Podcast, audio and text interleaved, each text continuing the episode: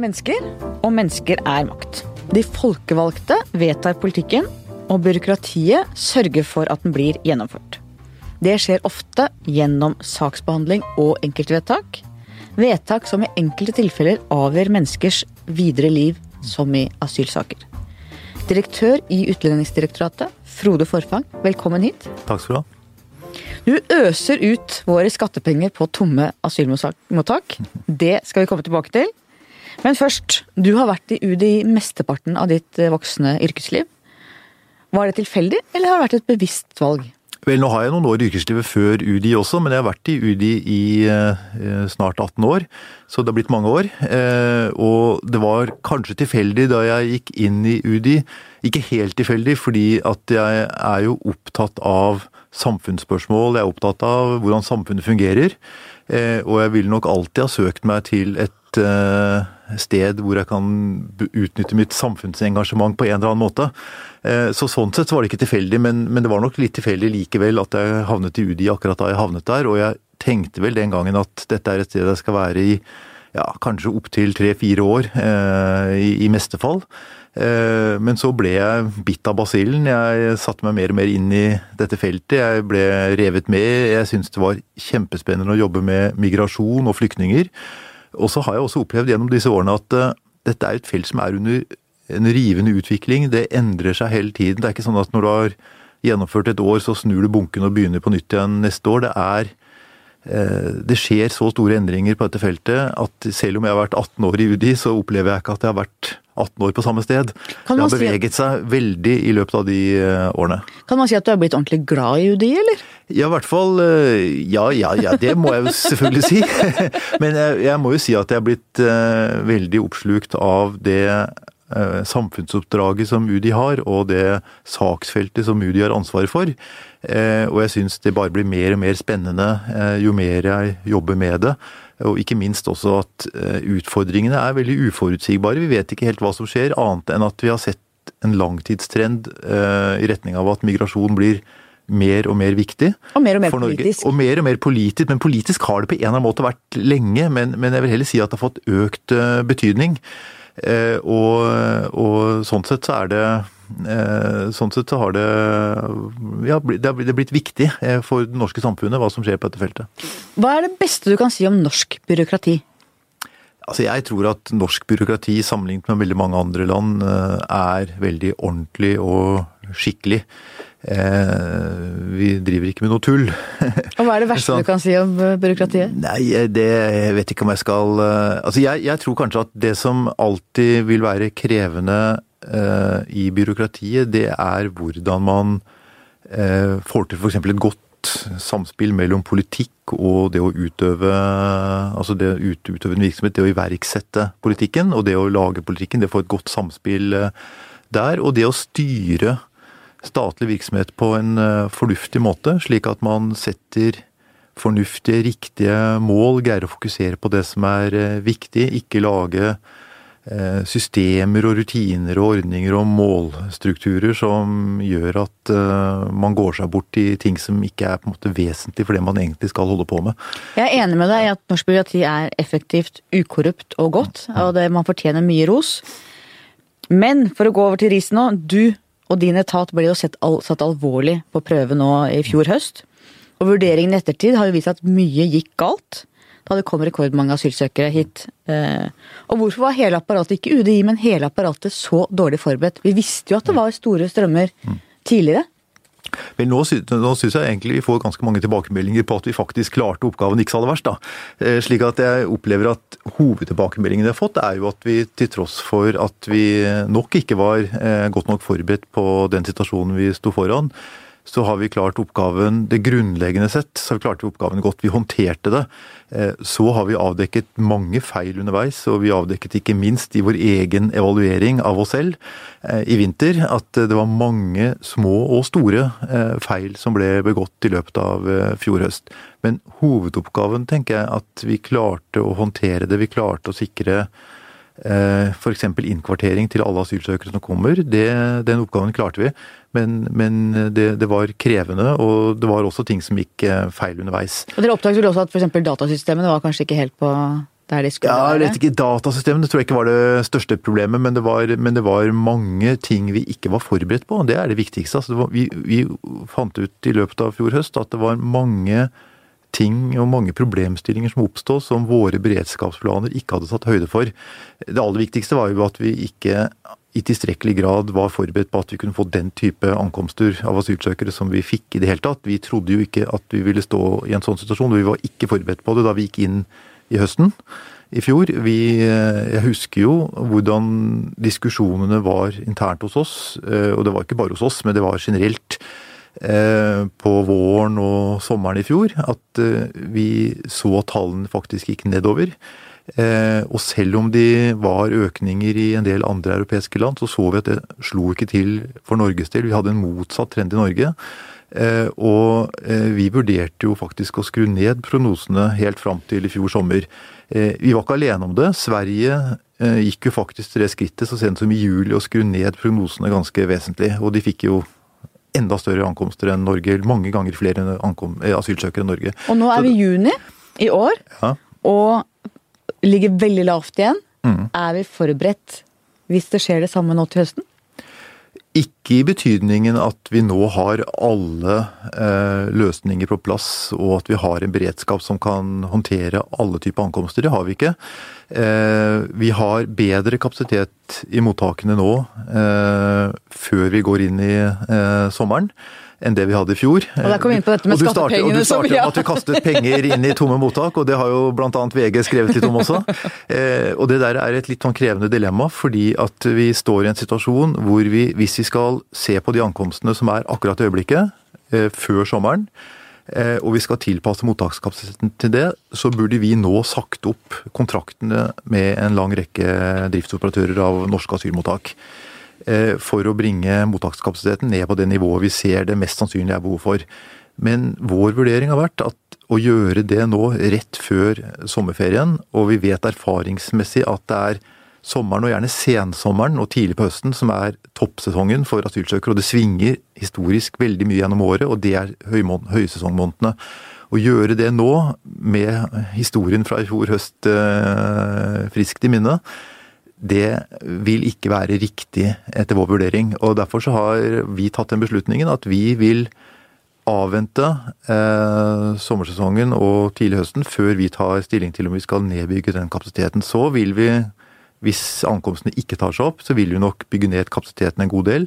Men akkurat nå å gjøre det, det mener vi ikke er riktig.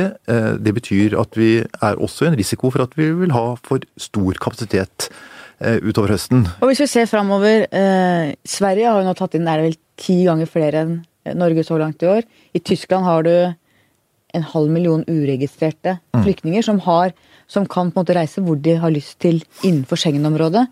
Eh, og vi har jo en relativt porøs grense, egentlig. Altså Du har kontroller på ferjene, men vel ikke på flyplassene. Ikke på veiene. Hvordan ser du for deg at det kan bli? Hvilke ulike scenarioer ser du gjennom sommeren og tidlig høsten? Ja, De forholdene som du nevner der, er jo av de tingene som gjør at usikkerheten er veldig stor. Eh, Vi ser jo i øyeblikket at Norge får lave ankomster. Vi får også lavt i forhold til ikke bare eh, Sverige, men vi, får litt, vi også får litt færre enn eh, f.eks. Finland og Danmark, særlig Danmark. Nå ligger Danmark geografisk litt mer utsatt til enn det Norge gjør akkurat i øyeblikket. Men, men eh, det er mange usikkerhetsmomenter. Vi vet ikke hvor mange som vil ta seg over Middelhavet fra Nord-Afrika til Italia f.eks. Eh, historisk sett så har det vært den kanskje viktigste ruten til Norge, fordi veldig mange fra Øst-Afrika, eh, f.eks. Eritrea, har kommet den veien. Eh, og så har du det du nevnte med at det er en del eh, som allerede er i Europa og ikke er i hvert fall ordentlig fullregistrert. Eh, vi vet ikke helt hvilke tall vi snakker om der, men det kan være ganske store tall. Eh, Du nevnte mm, Middelhavet og båtene. Mm. Det syns jeg er et utrolig vanskelig dilemma i denne situasjonen. Eh, Det er menneskesmuglere. Er det litt sånn at jo flere som blir reddet opp, jo flere kommer? Og jo flere som får bli i Europa, jo flere kommer? Altså Redder man egentlig mennesker, og så gjør man at flere setter ut med båt og dermed drukner? Det er jo et, dette er jo et veldig krevende dilemma. Eh, fordi på den ene siden så kan man jo ikke bare se, mennesker, se på at mennesker drukner, men er, man har en plikt til å, å, å redde mennesker som er i nød. Eh, samtidig så er det ikke noe tvil om at eh, det at man blir eh, reddet og satt i land på europeisk side av Middelhavet, er en pull-faktor. Altså er noe som gjør at flere tar sjansen på, på det å sette ut i sånne båter. Så resultatet så er, kan bli at flere dør, egentlig? Ja, i hvert, er hvert fall så er det noen veldig krevende dilemmaer her. Eh, det er ikke noe tvil om det. Og, og det er eh, Hele asylordningen er jo noe som trekker mange mennesker ut i den situasjonen. Fordi muligheten til å kunne få et opphold i Europa er, eh, er, er det som gjør at man eh, setter eh, livet til, for å si det sånn. Det er ikke bare asylordningen, fordi det er, si det er to ting som bidrar til dette. Asylordningen er en del av det, men det er også mulighetene i enkelte land, særlig Sør-Europa, til å kunne jobbe svart i den uformelle økonomien. Det sliter vi europe, noen europeiske land med. Norge merker ikke så mye av det, fordi Norge er et, og de nordeuropeiske landene er ganske gjennomregulerte. Det er vanskelig, selv om vi har elementer av svart arbeid og ulovlig arbeid, også ulovlig eh, innvandring også her, så kan det ikke sammenlignes med det f.eks. Eh, Italia opplever, og kanskje også Spania og Portugal har opplevd. At de har mange mennesker som trekkes over Middelhavet rett og slett for den, det formålet å bare leve i den uformelle økonomien Eh, selv om kanskje ikke formålet er å søke asyl. Fordi de vet at de vil ikke oppnå asyl. Mens andre, mens, andre, trekkes av asylmuligheten. Men det er jo spørsmålet eh, Kan du forklare hva er forskjellen på Står vi overfor en migrasjonsbølge eller en flyktningbølge? Eller begge deler? Altså jeg tror nok den største delen av, eh, av, de som kommer, er folk som kommer fordi de, har, fordi de flykter fra et eller annet. Det er nok den største delen. Det, ikke, det, har ikke alltid vært den største delen av de som kommer over Middelhavet, for det er periodevis det har vært mange vestafrikanere som ikke har beskyttelsesbehov. Men veldig mange av de som har kommet over Middelhavet, er også i andre deler av året fra land som eh, Eritrea, Etiopia, Sudan, Somalia f.eks. Og det er personer som i hvert fall mener selv at de eh, flykter fra noe. Og så har du de som kommer over det østlige Middelhavet, eh, fra Tyrkia til Hellas, eh, det er jo da folk fra Midtøsten, Syria, Irak, Afghanistan osv. Og, så og de eh, reiser nok først og fremst fordi de flykter fra et eller annet. Og er vi nå i den situasjonen med asylinstitutter slik det ligger i dag, at det man kaller a race to bottom, altså at landene konkurrerer, og gjør det minst mulig attraktivt, mm. er en av de få måtene å regulere dette på? Ja, altså det i, hvert fall er det sånn at i praksis så fungerer systemet slik at det for landene blir veldig viktig å framstå som minst mulig attraktiv. Fordi at når du, du kommer, i hvert fall så har det vært sånn innen, innen, du begynte med grensekontroller, så har det i hvert fall vært sånn at når du først kommer inn for Schengen, så er det jo slik at det har vært lett å ta seg videre til det Schengen-landet du egentlig ønsker å reise til, primært. Eh, for, og det kan være langt fra det landet du først kom til. Eh, så sånn sett så er det har det vært et insentiv for mange land til å eh, gjøre det minst mulig attraktivt å søke asyl akkurat i deres land. Da. Og da kommer vi også til dilemmaet, eh, særlig når det gjelder enslige mindreårige asylsøkere, mm. at det kommer barn og ungdommer hit. Mm. En del av de har jo ikke beskyttelsesbehov etter konvensjonene og sånn, men vi må jo ta godt vare på de som kommer. Samtidig som det ikke må være så bra at flere familier sender barna sine på den veldig farefulle reisen og bort fra mor og far. Ja. Hvordan kan vi løse det dilemmaet? Nei, egentlig så er vel ikke dilemmaet helt uh, eh, 100% løsbart. Men det er klart at uh, eh, f.eks. Afghanistan, som er det landet som det kommer flest uh, enslige mindreårige asylsøkere fra, så er det det som er problemet når de kommer hit, hvis de ikke har et beskyttelsesbehov Noen har et beskyttelsesbehov, noen, mange har det ikke. Men problemet vårt er at hvis de ikke har et beskyttelsesbehov, så kan ikke vi uten videre bare sende dem tilbake til Afghanistan hvis vi ikke har et sted å sende dem tilbake til. Altså har omsorgspersoner å sende dem tilbake til. Og det har vært det store dilemmaet her. At vi vet ikke hvem omsorgspersonene er. Vi, vi kjenner ikke helt identiteten. Og vi klarer da ikke å eh, få sendt dem tilbake. Og dermed så blir de Norges ansvar i stedet. Og det er klart at det kan føre til at flere finner det fristende å reise, eller at flere storfamilier finner det fristende å sende sine sønner, for det er gjerne gutter vi snakker om i disse tilfellene, til, eh, til et land som Norge. Det er andre land som får enda flere, særlig Sverige, men, men Norge er jo også et land som får mange enslige mindreårige. Ja, Sverige har jo nå i noen aldersklasser blant ungdommer et større kjønnsubalanse enn Kina.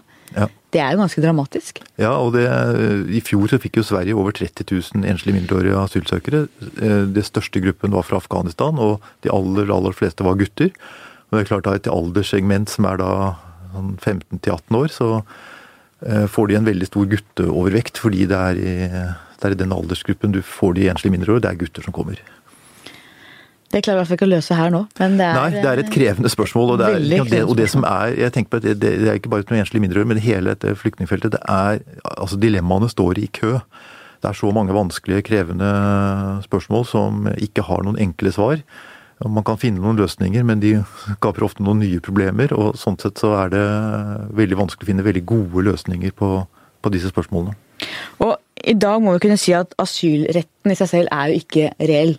Det er de sterkeste som kommer, ikke nødvendigvis de som har det største behovet.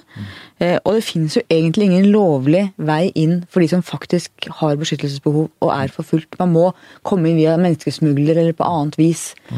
Um, og du har jo kommet med noen forslag på hvordan dette kan gjøres annerledes. Ja, altså jeg, jeg, har stilt noen spørsmål ved hele asylordningen slik den fungerer i dag. Og det baserer seg jo på at eh, det er akkurat det du sier, nemlig at dagens ordning forutsetter at man bruker menneskesmuglere. Det forutsetter ulovlig, ulovlig innreise. Det forutsetter at man betaler, tar risiko. Eh, og hvis du f.eks. Eh, ønsker å reise lovlig inn i Schengen-området, og du har et beskyttelsesbehov, og du har til hensikt å søke asyl, så er det ingen lovlige veier. Det er tvert imot sånn at hvis du søker om et visum, og du har beskyttelsesbehov, så vil det at du har et beskyttelsesbehov faktisk være en selvstendig grunn til å avslå visumsøknaden. Fordi det vil være i strid med forutsetningen om at du skal returnere etter endt visumperiode.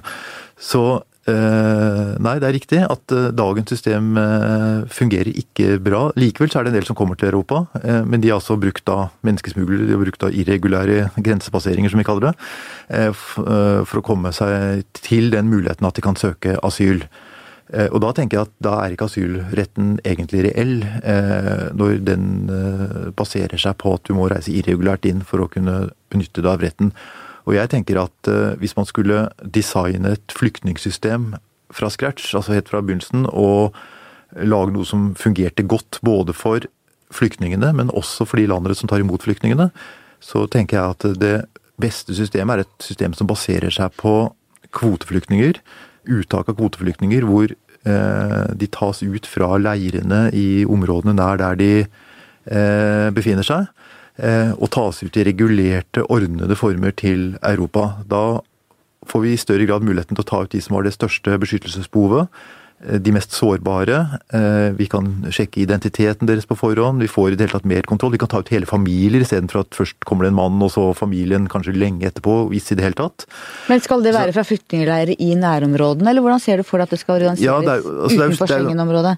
Det er sånn i hvert fall uttakssystemet fungerer i dag når det gjelder kvoteflyktninger. I dag så tar vi jo ut kvoteflyktninger, det har vi gjort Norge gjort i mange år, men i relativt små tall. Men de tas jo ut fra flyktningleirer i nærområdene i samarbeid med FNs høykommissær for flyktninger. Og det jeg kan tenke meg er bare et, et sånt system bare i et mye større skala. Ikke bare for Norges del, men også for andre europeiske lands del. Så det du egentlig snakker om er å utvide drastisk antallet kvoteflyktninger til alle europeiske land, og så avslutte ordningen med asyl med at idet du setter foten på et lands jord, så kan du søke om asyl og har en rekke beskyttelser i det. Ja, Det jeg har sagt er at hvis du skal innføre et system hvor du tar inn stor, stort antall eh, kvoteflyktninger, så tror ikke jeg det er mulig å kombinere det med dagens asylrett. For jeg tror ikke det vil være mulig å få folkelig og politisk oppslutning om å ha både store kvoteuttak og i tillegg opprettholde den muligheten man har til å søke asyl sånn som det fungerer i dag. Og Vi ser også ofte at når man diskuterer kvoteuttak, så vil jo ofte argumentet mot det være at hvis du tar ut mange på kvote, så vil det følge enda flere asylsøkere etter.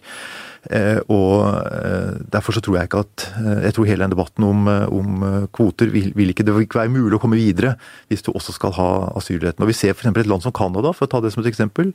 De hadde et regjeringsskifte her i fjor høst, hvor den nye regjeringen bestemte seg for å i løpet av noen få måneder ta imot 25 000 Syria-flyktninger til Canada. Den canadiske statsministeren står til og med på flytrappa når den første flylasten kommer, og ønsker flyktningene velkommen til Canada. Jeg tror ikke det hadde skjedd hvis Canada geografisk hadde vært i samme posisjon som Europa. For hadde, silokt. Da, da, da, hadde de hatt, da tror jeg de kunne risikert å få 100 000 til etterpå. Og det er nettopp den, den risikoen løper ikke Canada, men den risikoen løper et europeisk land som gjør det samme. Og det er fordi at man ligger Altså, de har eh, sjø på to sider, og så har de USA på Ja, de, de, de er geografisk skjermet eh, for større flyktningstrømmer fra de områdene som, eh, hvor flyktningene kommer fra. Mens europeiske land er mye mer sårbare, eh, og særlig med Schengen-systemet så er vi, altså alle landene i Europa veldig sårbare. Og da vil det ikke være mulig å få oppslutning om den type systemer. Så jeg tenker at jeg tror at et kvotesystem, forutsatt at man da tar solide kvoter, og i tillegg eh, bistår selvfølgelig de som er igjen i nærområdene også, eh, jeg tror det er bedre for flyktningene. Eh, for det ivaretar de som har størst behov, på en bedre måte. Samtidig så er det bedre for de landene som tar dem imot, fordi at da skjer flyktningmottaket i ordnede, regulerte former. For jeg tror at det bildet som mange fikk i fjor høst, av flyktninger som nærmest marsjerte oppover motorveiene i Europa nordover, det er med på å skape utrygghet eh, i befolkningen. Det skaper, eh, det skaper fremmedfrykt. Eh, og det skaper et backlash som gjør at viljen til å ta imot flyktninger kollapser. Og jeg tenker at skal du, skal du lage et system som ivaretar flyktninger, så må du lage et system som faktisk er i stand til å kunne få en viss oppslutning. Men det fordrer det, en veldig tydelig grensekontroll langs hele Schengen-grensen. Yttergrensen. Yttergrensen? Ja, det forutsetter det, men jeg tror også at øh, Jeg tror, jeg tror i hvert fall at det, det, systemet som vi har i dag, hvor bare du i det øyeblikket du setter foten innenfor et Schengen-land, så utløses det mange rettigheter, øh, ikke minst juridiske rettigheter, øh, til prosesser og det hele. Det er en trekkfaktor, pull-faktor, i seg selv. Og jeg tenker at den kan du ikke kombinere med et omfattende Eh, kvoteuttak, så er det mange juridiske og andre typer praktiske spørsmål rundt da, hva gjør vi da med det ene og det andre. Men, men jeg tenker i hvert fall at uh, det er grunn til å prøve å tenke litt annerledes. Og så ser jeg at uh, selv om jeg kaster fram et sånn idé, så er det selvfølgelig ikke det er ikke en idé som er enkel å gjennomføre. Det, vi snakker jo om et internasjonalt samarbeid, vi snakker om et internasjonalt juridisk system, så, så, så, det er jo en krevende endring som skal til. Men jeg tenker at det er viktig å begynne å diskutere dette, fordi jeg tror dagens system ikke fungerer verken for flyktningene eller for de landene som uh, tar imot flyktninger. Det du sier er jo egentlig på linje, bortsett fra det med store kvoter inn, så er det egentlig mm. på linje med det Frp eh, har sagt lenge, og nå er det mange som samler seg bak det. Mm. Er det for mange i norsk asyldebatt som er for opptatt av hvem som sier noe, og ikke hva som sier? Er dette en debatt som egentlig burde kommet for lenge siden? Den du nå reiser? Altså jeg tror det som gjør at debatten er moden nå, det er erfaringene fra i fjor høst. Jeg tror at uh, de svakhetene ved asylsystemet som jeg har pekt på, de har vært der hele tiden. Men jeg tror de settes på spissen når du får en situasjon som den du hadde i fjor høst. Og det gjør at uh, en debatt åpnes opp og modnes på en måte som ikke var tilfellet tidligere. Så jeg tror at hvis jeg i fjor sommer hadde kommet med de samme tankene, så tror jeg de hadde blitt tatt imot på en helt annen måte. Eh, men jeg ser en åpning nå, fordi eh, jeg tror at mange svakheter ved dagens system er veldig synlige, veldig tydelige, og mange flere har sett dem. Eh, selv om de var der før, så er de betydeligere. Og, og, da tenker jeg at da er det åpnet seg en mulighet for en debatt som jeg tenkte var viktig å gripe, og, og som jeg ser også andre har grepet. Og, og, så får vi se hvor den leder hen. Du nevnte Canada. Der har de vel også en ordning med at de forteller flyktningene før de kommer hva de kan vente i Canada. Mm. Eh, også når det gjelder kjønnsroller, eh, kvinnesyn. Kan du fortelle litt om det? Ja, det gjør vi også i og for seg i Norge eh, når vi tar ut kvoteflyktninger. Det er jo de som kommer spontant som vi ikke er i kontakt med før de er her. Men det er klart at Canada, men også andre land som tar imot kvoteflyktninger, også Norge, er opptatt av å realitetsorientere de som kommer på forhånd om hva de har i vente før de faktisk reiser. Og det man ser er jo at det er en del som trekker seg. Hvorfor det? Eh, det kan være, altså Nå er det mange grunner til at folk trekker seg. fordi eh, når de fra en eh, fordi at det er sånn med kvoteuttak. Det er, det er at de, de, som tas ut på kvote, de søker ikke på forhånd. Man tar utgangspunkt i lister fra FNs høykommissær for flyktninger, og så eh, tilbyr man eh, gjenbosetting i et annet land. Eh, og hvis du, i, hvis du, tar en gruppe tilfeldige flyktninger i f.eks. Libanon, Tyrkia, Jordan fra Syria og spør vil dere til Europa eller til Canada, så vil kanskje så mye som en tredjedel takke nei. Til tross for at de lever under kummerlige forhold og veldig krevende forhold der de kommer fra. Eh, og det kan være mange grunner. Det kan være dels fordi at de kanskje har en gammel bestemor igjen i Syria f.eks. De vil ikke reise langt unna vedkommende. De skjønner at det er ikke så lett å reise frem og tilbake når de først har kommet seg til til Norge, for ikke å snakke om til Canada.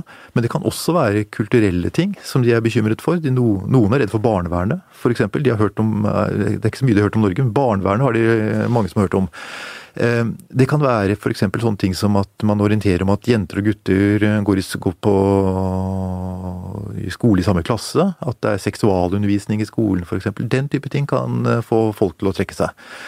Og da tenker jeg liksom den, De erfaringene som man har, en del av de landene som tar ut kvoteflyktninger, med hva kulturorientering innebærer, viser jo at det er viktig at de som kommer til våre land, vet hva de går til, og vet hva som møter dem, hvilke forventninger vi har til dem før de eh, faktisk eh, kommer.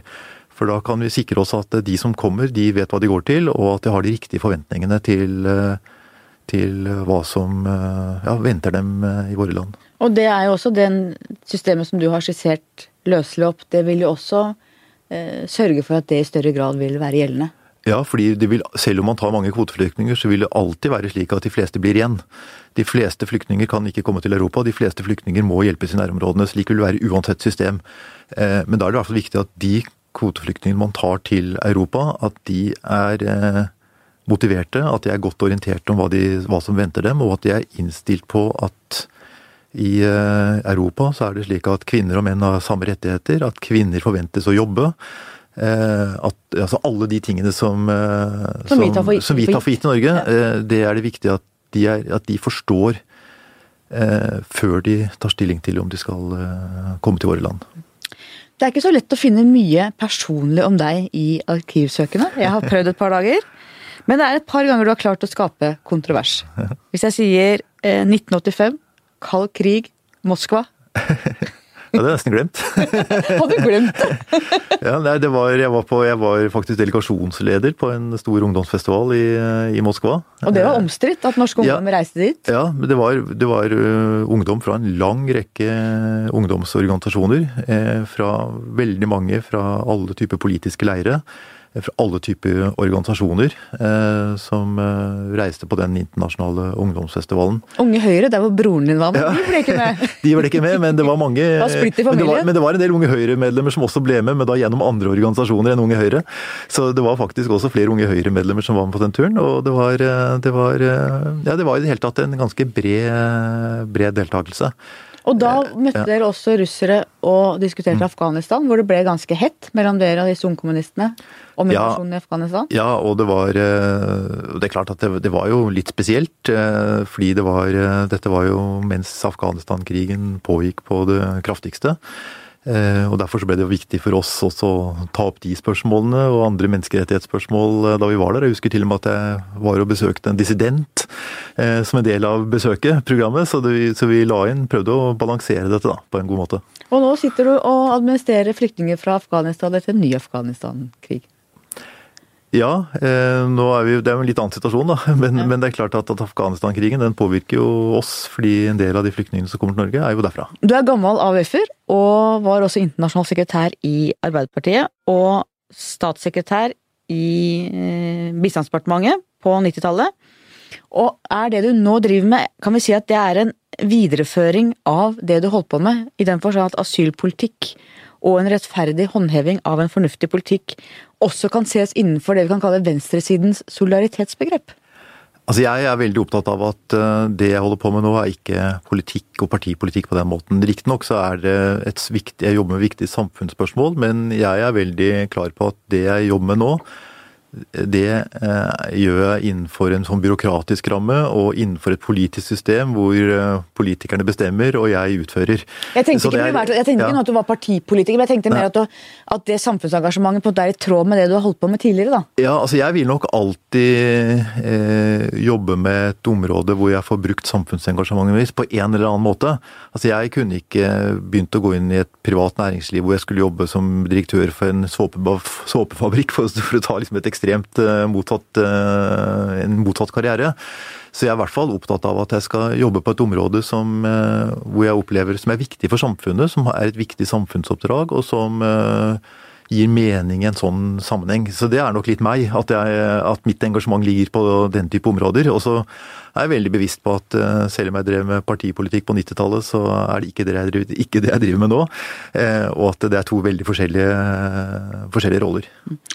Eh, de ansatte i UDI jobber jo med menneskeskjebner, og, det må tidvis tenker jeg, være ganske tøft. Hva gjør du som sjef for at det ikke skal bli for tøft for den enkelte som står i disse avgjørelsene hver dag? Altså jeg er veldig opptatt av at vi skal ha et uh, solid verdigrunnlag i UDI som knytter seg til hvordan man behandler enkeltmennesker. At enkeltmennesker faktisk er enkeltmennesker, og ikke bare papirer og uh, en sak. Men at det er faktisk mennesker vi, vi, behandler, og at de vedtakene vi fatter, har betydning for enkeltmennesker. Det er viktig at alle som behandler saker hos oss, har det perspektivet med seg. Det betyr ikke nødvendigvis at utfallet av sakene er til den enkeltes gunst, for å si det sånn.